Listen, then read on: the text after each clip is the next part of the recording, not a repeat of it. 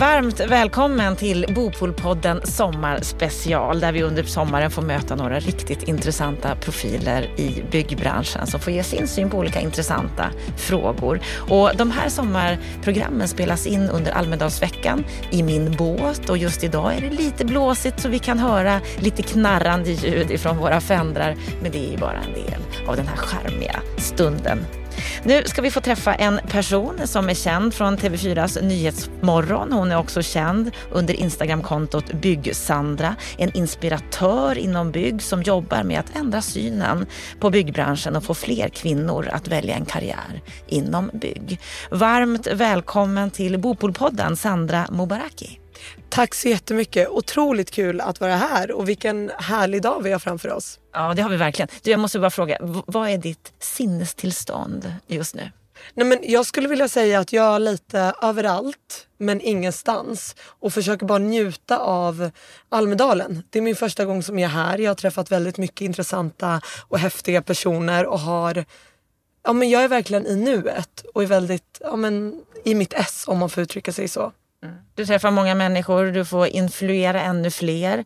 Syftet med Byggsandra, vad är det egentligen? Syftet med Byggsandra det är precis som du inledde med att förändra synen av byggsektorn. Eh, och det grundar sig väldigt mycket i att när jag har berättat att jag jobbar inom byggbranschen så har väldigt många höjt på ögonbrynen och sagt Jobbar du inom bygg? Och blivit förvånade.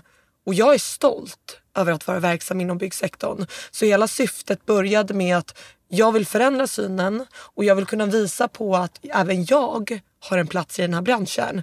Och förhoppningen är ju att det ska kunna göra så att 15-åriga Sara eller Alexandra eller Martin som inte tänker bygg som ett alternativ också kan se sig själv vara verksam här. Hur kom det sig att du valde den här branschen? Det var av en slump. Och jag, jag tycker det är lite kul för att eh, när jag tittar tillbaka på just det här tillfället så förstår jag egentligen inte vad jag gjorde där. Jag började min karriär inom byggsektorn när jag skulle söka ett sommarjobb. Jag ville bara tjäna lite pengar så att jag skulle kunna resa runt efter studenten. Eh, och då går jag in i den lokala byggvaruhandeln. Jag har på mig en klänning strax över knäna. Det är en varm sommardag. Och så stannar jag upp och när jag ser den här bilden idag då är det tomt i butiken. Det kanske var människor i butiken men det var tomt när jag går runt där. Och så ser jag parkettgolv på höger sida. Jag ser skruvar och spikar. Och det enda jag tänker på är vad gör jag här? Jag fick jobbet. Eh, motiveringen var att jag hade jobbat på kafeteria. Jag kan ta betalt för bullar så kan jag ta betalt för skruvar. Det är lite mer avancerat än så. Men det var där det började och sex år senare är jag fortfarande kvar och jag har älskat varenda dag. Vad gör du idag? Idag driver jag Byggsandra som en konsultverksamhet och då är det fokus på marknadsförings affärsutveckling när det kommer till främst då byggsektorn. Eh, men sen driver jag även min plattform in, eh, på Instagram då, där jag sprider information, försöker göra kunskap mer lättillgängligt och jag säger det att Byggsandra är för alla som inte är i branschen. För att jag pratar väldigt enkelt. Det ska vara smidigt att lära sig nya saker om byggbranschen. Mm. Är det därför du också är med på TV4, att sprida den kunskapen där? Precis, för att jag, jag anser att det inte riktigt finns någon röst som står på båda hållen. Både konsumentens sida men även de mindre hantverkarna. För att någonstans, det är egentligen samma grupp väldigt många gånger. Och jag anser att media har gjort att man bara ser den negativa synen av byggbranschen. Och då vill jag kunna vara en neutral röst som försöker göra, säkerställa att både privatpersoner och hantverkare kan mötas och ha en bra ja, men mötesplats egentligen. Och hur gör du det? På vilket sätt är du rådgivare i de här situationerna? Men om man tittar på till exempel Nyhetsmorgon, då ger jag ju tips och råd som både hantverkaren kan ta till sig men även privatpersonen. Och jag tar aldrig något parti. Jag säger inte att en hantverkare inte sköter sig och jag säger inte att en privatperson inte sköter sig heller. För att i slutändan är det människor. Och människor kan alltid göra fel. Men så fort vi börjar skuldbelägga en yrkesgrupp, vilket jag anser att väldigt många snabbt gör, när det kommer till byggbranschen, då skapas klyftor. Och det är även då man tror att man kan bete sig lite som man vill. Väldigt ofta pratar de om hantverkare som inte sköter sig. Men det pratas inte om de kunderna som inte betalar. Och då vill jag kunna vara den här neutrala rösten. Så jag gör bland annat genom Nyhetsmorgon eh, men även då genom min Instagram där jag ger tips och råd åt båda parterna. Och sen så ger du också andra konsulttjänster. vad är det för något?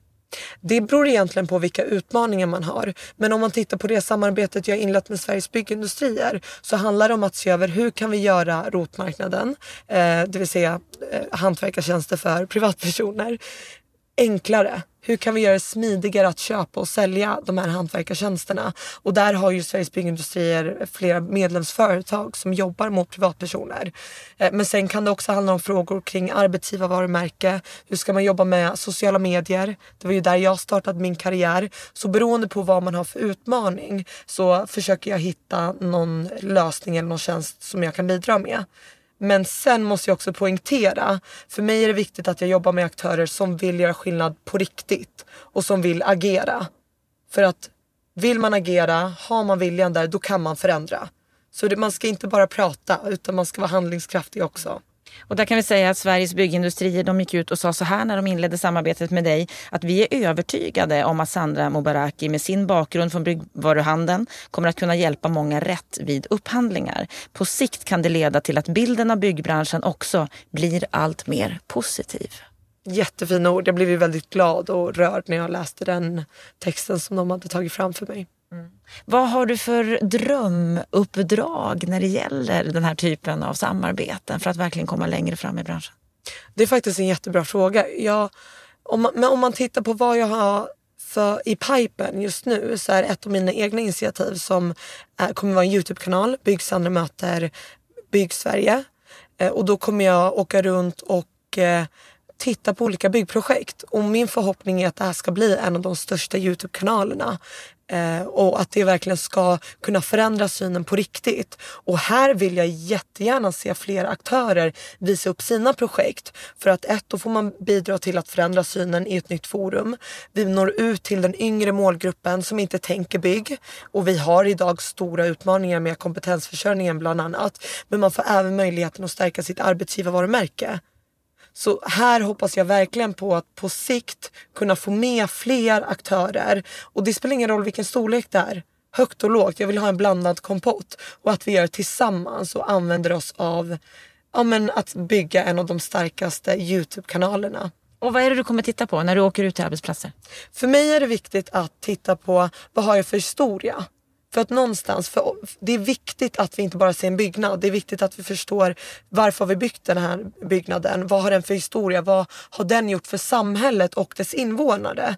För att vi får aldrig glömma bort att byggbranschen berör individer. Vi måste sluta tänka på siffror. Vi måste sluta tänka på att eh, ja, men hur mycket en upphandling kostar. Vi behöver tänka på att vi skapar samhällen som skapar förutsättningar för familjer, som skapar förutsättningar för vår framtid. Och då vill jag kunna bygga upp historier som lyfter de projekten som faktiskt skapar bättre förutsättningar för våra invånare. Och visa på de mjuka värdena som byggbranschen bidrar till. Så det kommer vara väldigt mycket historia. Sen får vi se hur man vinklar det beroende på vilket projekt och vilket område det är. Men det ska vara väldigt brett. Och det ska vara allt från enklare bostäder som byggs till lite mer komplexa vidklippor till exempel. Men det, det, ska finnas en historia bakom det som man kan förmedla genom mobiltelefonen eller genom paddan när man tittar på klippet. När du startade Byggsandra och har kört det ett tag nu, vilka reaktioner har du mött? I början skulle jag vilja säga att eh, folk förstod inte vad jag sysslade med. Väldigt många gånger när jag stod rakryggad och kunde säga jag driver Byggsandra så kunde folk titta på mig och tänka så här, men vad är Byggsandra, vad gör du för någonting? Och det höll på så i ett halvår. Och här behöver man också få lite så förståelse för mig som en 90-talist. Eh, ett halvår är väldigt, väldigt länge för att jag vill se resultat under en vecka. Mm. Och där var det viktigt att jag hade tålamod och att jag verkligen kunde ta mig igenom de här motgångarna när folk inte förstod mitt syfte och vad jag faktiskt ville förmedla. Så i början var det väldigt, väldigt tufft. Och det jag fick påminna mig själv om, det är, ett, det är mitt mantra idag. Att mina, tillfällig, mina känslor är tillfälliga kontra min långsiktiga vision. Och min långsiktiga vision det är att bidra till en bättre byggbransch. Det som blev det som, det som faktiskt höjde Byggsandra det var när jag var med på Nyhetsmorgon första gången. För att då fick man faktiskt se vad jag brann för och jag fick även lyfta upp mitt perspektiv och varför jag, varför jag ville förändra byggsektorn. Så det var i januari som det faktiskt drog igång och jag startade Byggsandra i augusti. Och i min värld är det en evighet. Ja, snart ett år. Ja, snart ett år och då, då ska det firas. Jag har inte bestämt hur än men det ska firas i alla fall. Ja, det låter bra. Du, vad är det du framförallt vill förändra i byggsektorn? Men om man tittar på hur det ser ut idag eh, så är det väldigt många som pratar om att vi behöver säkerställa att vi bygger fler bostäder, att vi bygger bostäder billigare, att vi inte har så höga kostnader. Tittar man på reklamationer av hantverkartjänster så kostar det idag 10 miljarder kronor per år. Det är otroligt mycket pengar. Tittar vi på bostadspolitiken så är inte den för alla. Vi unga har väldigt svårt att ta oss in i, bostads, i, i bostadsmarknaden idag. Och med det sagt, det innebär att branschen idag inte är optimal. Det här är en av Sveriges viktigaste branscher. Jag var inte medveten om det här. Men jag är medveten om det idag och jag vill se att en av de bästa och viktigaste branscherna får bra förutsättningar för att utvecklas. Och det, fin- det, det gör vi inte idag. En av, de en av de orsakerna är för att det är mansdominans. Och här vill jag också vara väldigt tydlig med att det får inte vara dominans åt ett håll. Vi behöver mångfald, vi behöver fler olika perspektiv och vi behöver, fler, vi behöver ett spann när det kommer till ålder, när det kommer till läggning, när det kommer till nationalitet. Det är så många aspekter. Och det är det här jag vill se. Jag vill se en byggbransch som välkomnar alla. Och här berättar du ju om många saker som branschen behöver ta tag i och som politiken behöver ta tag i för att få branschen att fungera. Om vi börjar med det här sista du nämnde här nu med jämställdheten, mångfalden, kulturen mm. inom branschen. Mm. Hur ska vi ändra det?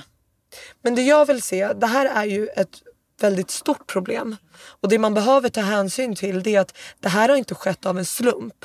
Det här har skett för att vi år efter år inte har aktivt valt att vara attraktiva för alla. När vi inte tar ett beslut så tar vi ett beslut indirekt och det måste vi vara medvetna om. Vi har pratat väldigt mycket och jag märker att det är någonting som har pratats väldigt mycket om under Almedalen, samverkan. Börja samverka på riktigt. När ni ska vara en inkluderande arbetsplats, säkerställ att det finns arbetshandskar för alla. Det är inte bara kvinnor som har mindre händer det är fler. Män kan också ha lite mindre händer. Se till att rösterna från liksom, de olika perspektiven hörs på riktigt. Så det handlar om att skapa ett, en arbetskultur också som är välkomnande. Sen behöver flera ta tag i det här. Vi behöver sluta säga, men det är inte mitt ansvar. Det är allas ansvar. Vi kan inte säga att jag, jag behöver inte göra någonting för att jag gör väldigt mycket redan idag alla har ett ansvar. Sen om man har gjort otroligt mycket så betyder inte det att man ska luta sig tillbaka och känna att nu har jag bidragit med någonting. För att majoriteten har inte bidragit med någonting de senaste tio åren. Så vi, vi behöver börja agera på riktigt och vi behöver börja göra det från och med igår egentligen. Det här handlar ju mycket om att bli en attraktiv bransch som du säger, dit fler vill söka sig, dit unga tjejer vill söka sig. Vad skulle göra att unga tjejer sökte sig till branschen och sökte utbildningarna? Jag tror väldigt mycket att det handlar om att de folk förstår inte hur brett och hur mycket det finns att jobba med inom byggsektorn. Och om man då tittar på väldigt många kvinnor till exempel väljer att studera. Det är någonting som vi ofta gör. Man läser till exempel ekonomi, kommunikation och så vidare. Men när man frågar dem vad är det du vill jobba med? Då vet de inte, men de vet att det är en bred utbildning. På exakt samma sätt behöver vi jobba med byggutbildningarna. Vi behöver förklara att du behöver inte veta vad du vill göra. Du är välkommen i den här branschen och det är en väldigt bred utbildning och det finns väldigt mycket möjligheter. Vi behöver prata om hur mycket man kan påverka och att vi faktiskt formar Sverige. Hur coolt är inte det egentligen? Det är väldigt coolt. Ja, mm. och det är det vi behöver förmedla, de här mjuka värdena. Och då har vi den här kulturen att brottas med, den machokulturen som är väldigt stark mm. inom den här sektorn. Mm. Har du själv varit med om någonting där du har upplevt att det här var inte okej? Okay? Men det har jag ju. Eh, och det, jag har faktiskt blivit mer utsatt av vissa kunder som har handlat om mig snarare än till exempel hantverkare som det oftast kan debatteras om i media. Och jag tror att det handlar väldigt mycket om det vi har pratat om innan, kulturen. Någonstans så kan byggbranschen ibland vara en liten så här gråzon där man får behandla och prata och agera på ett sätt som man kanske inte hade gjort i en matvarubutik. Och den kulturen och den bilden behöver förändras. Och det handlar om allt från mötena med byggsektorn. Och då är det med hantverkan som går ut till privatpersonen. Det handlar om hur media lyfter upp det genom till exempel Arga snickan. Hur jobbar vi med det via sociala medier? Alla som är inom den här branschen är en ambassadör och de sätter kulturen och tonaliteten när de möter svenska folket. Så vi behöver tänka på hur vi agerar och hur vi pratar. Och inte förmedla den, ja, men, de fördomarna vidare. Ser du någon ljusning? Eh, hade du frågat mig för två månader sedan så hade jag sagt ja. Ju mer jag kommer in i de här forumen och ju mer möten jag går på desto mer inser jag att vi är väl medvetna om utmaningarna vi har. Det handlar inte om att vi inte är medvetna om det. Det handlar om att vi inte har agerat. Och det är en rädsla för mig för att då är vi införstådda i problematiken men vi gör ingenting. Och det är ännu värre. Så att jag vet inte om jag kan sitta här och säga att vi kommer se en förbättring om tre år. För att om vi fortsätter agera som vi har gjort de senaste tre åren, då kommer det inte bli just. Och vi har inte tid. Och här uppmanar ju du människor som jobbar i byggbranschen att faktiskt göra en skillnad. Kan politiken göra någon skillnad här? Absolut. Politiken har ett jättestort ansvar i det här. Och det är bara att titta på till exempel Ja, men om man jämför då med hur hård man har varit inom spelindustrin nu senaste året så är ju det ett bevis på att om politiken vill så kan de faktiskt ganska snabbt göra en skillnad och faktiskt förmedla information till svenska folket. Vi står inför otroligt stora utmaningar, inte minst när det kommer till bostadspolitiken. Här ser inte jag politiker ta, eller politikerna ta sitt ansvar. Vad skulle du vilja se? Men jag var på en väldigt intressant eh, ett väldigt intressant seminarium igår där man pratade om hur vi kan bygga bostäder snabbare och där fanns det otroligt mycket exempel på hur vi gör i Europa. Det finns exempel. Ibland behöver vi inte uppfinna hjulet på nytt utan vi kan faktiskt lära oss av andra städer och andra länder. Varför gör vi inte det? Vad är det som gör att vi väljer att fortsätta som vi gör idag trots att det inte ger något resultat. Vad blir konsekvensen utav det här? Det är att unga kommer inte in i bostadsmarknaden. Det innebär på sikt att vi inte har något tak över huvudet. Har vi inget tak över huvudet, hur ska vi då kunna vidareutveckla oss själva och våra karriärer för att kunna vidareutveckla samhället och Sverige? Det här blir ett problem för Sverige och det kommer på sikt bli en nationell kris enligt min mening. Och därför blir jag chockad att man ens kan sova gott om nätterna. För att det här är inte en liten sak. Det här påverkar, som jag inledde med, individen. Så jag vill se fler bara agera. För att de, vi agerar inte idag. Vi pratar om att agera. Vi pratar om lösningar. Men vart implementeras de? Och nu har vi ju en ny regering, vi har en ny bostadsminister. Vad skulle du se att de framförallt gjorde för att underlätta det här, för att underlätta för unga att komma in på bostadsmarknaden? Men det första jag skulle vilja se det är att när man väl tar sådana här beslut, varför bjuds inte unga in för att diskutera? Varför styr man inte upp en dag där man bjuder in unga personer som vill komma med sina röster, som vill komma med sina perspektiv och lyssna på vad är det ni efterfrågar? Hur ser er framtida bostad ut? Hur ser samhället ut? Vad är det ni behöver? För att någonstans, tittar man på beslutsfattarna så finns inte våra röster. Våra perspektiv är inte där.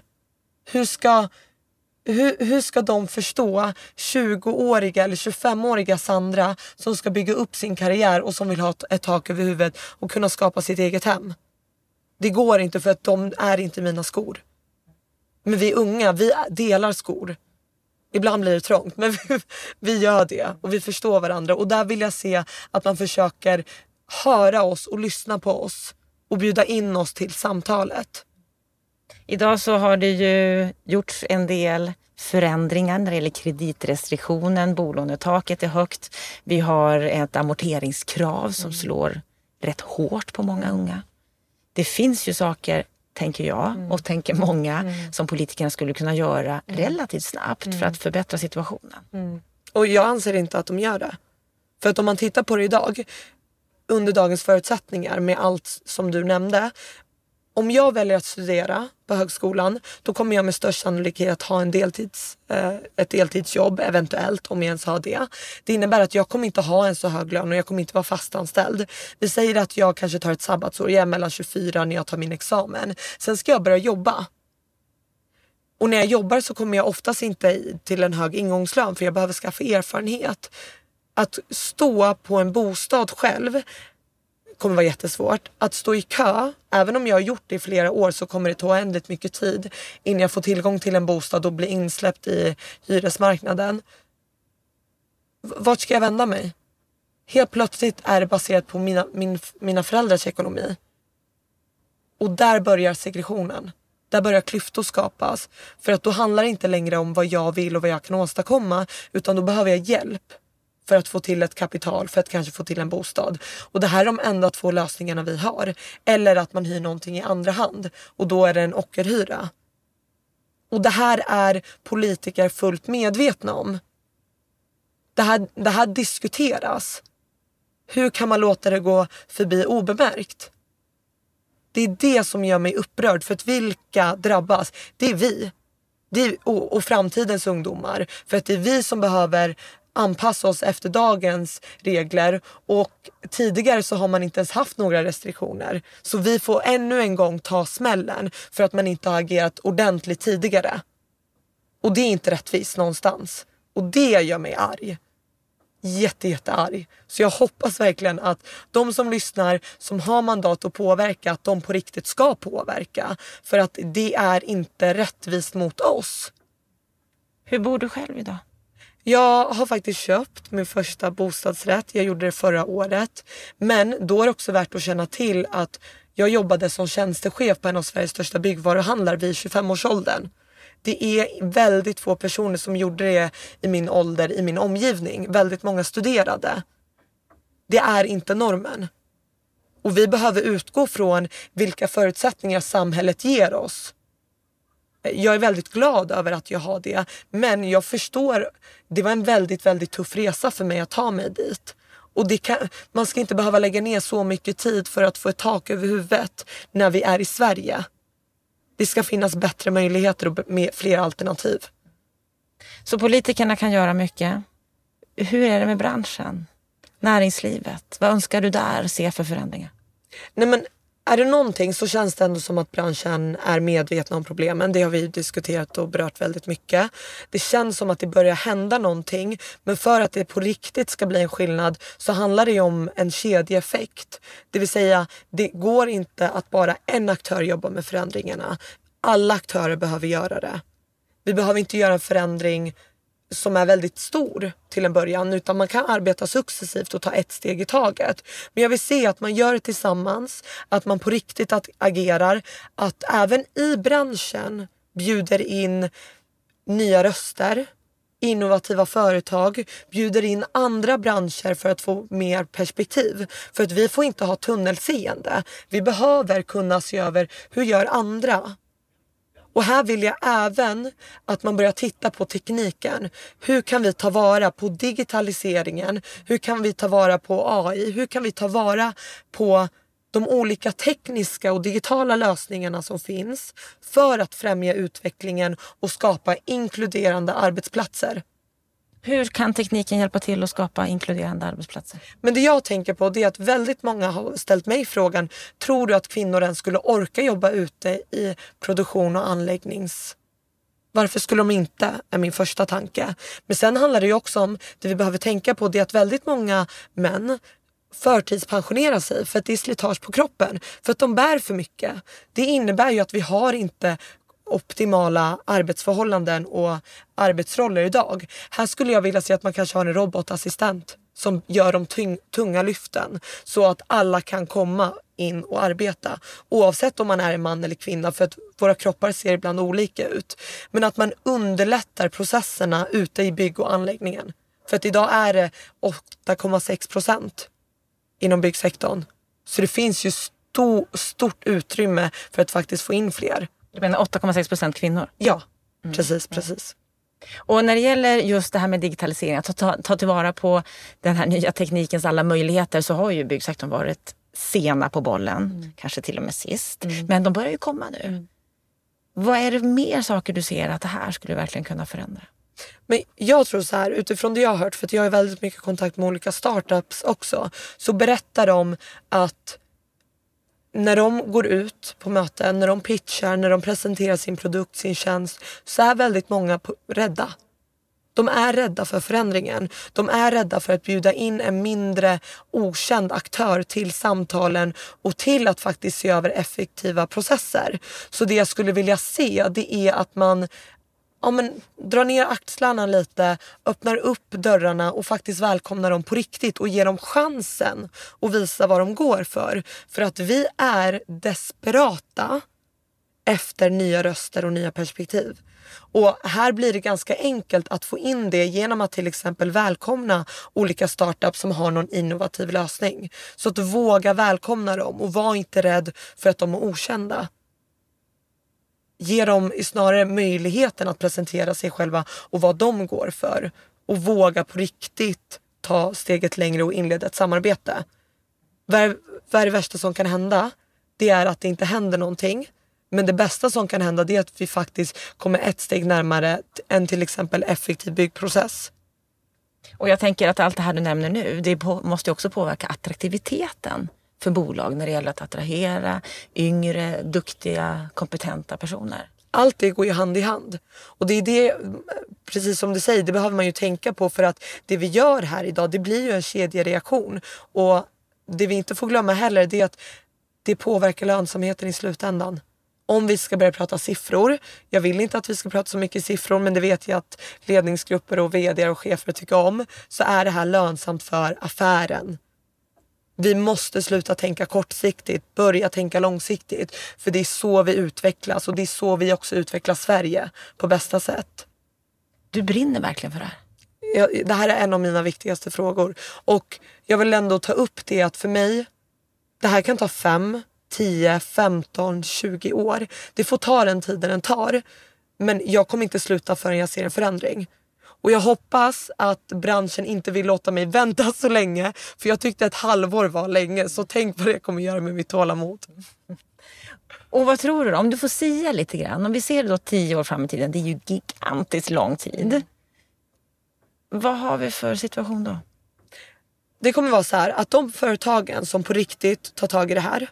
De politiker som visar att de ser oss unga och oss som hamnar i ett utanförskap. De som, de som på riktigt gör det här, de kommer vara kvar. De kommer vara attraktiva, de kommer ha en bättre lönsamhet, de kommer ha effektivare processer och de kommer attrahera talangerna. Företagen som inte följer med, de som säger att eh, internet bara är en bubbla som kommer att försvinna, de kommer att försvinna. Så här behöver man själv ställa sig frågan, ska jag vara med, ska jag ta stafettpinnen och ska jag driva utvecklingen framåt? Eller ska jag marschera med alla andra när det passar? Våga vara i framkant. Våga göra saker som vi inte har gjort de senaste 20 åren. En vis man sa en gång, man kan inte göra samma sak och förvänta sig ett nytt resultat. Vi kan inte göra samma sak och förvänta oss ett nytt resultat. Speciellt inte under dagens omständigheter och under dagens utvecklingsmöjligheter. Och för att orka driva förändringsprocesser, för att orka göra nya saker på nya sätt för att åstadkomma nya resultat, så behöver man ibland också vila och samla kraft. Vad ska du göra i sommar? Jag ska faktiskt bara ta det lugnt och smått börja planera inför Youtube-kanalen. Det ser jag fram emot. Och jag ser fram emot att få titta på den. Det ska bli väldigt intressant att följa. Stort tack Bygg-Sandra för att du gästade Bopolpodden. Tack för att jag fick komma. Det var otroligt kul. Och med det så önskar jag dig, kära lyssnare, en riktigt bra vecka så hörs vi om en vecka igen.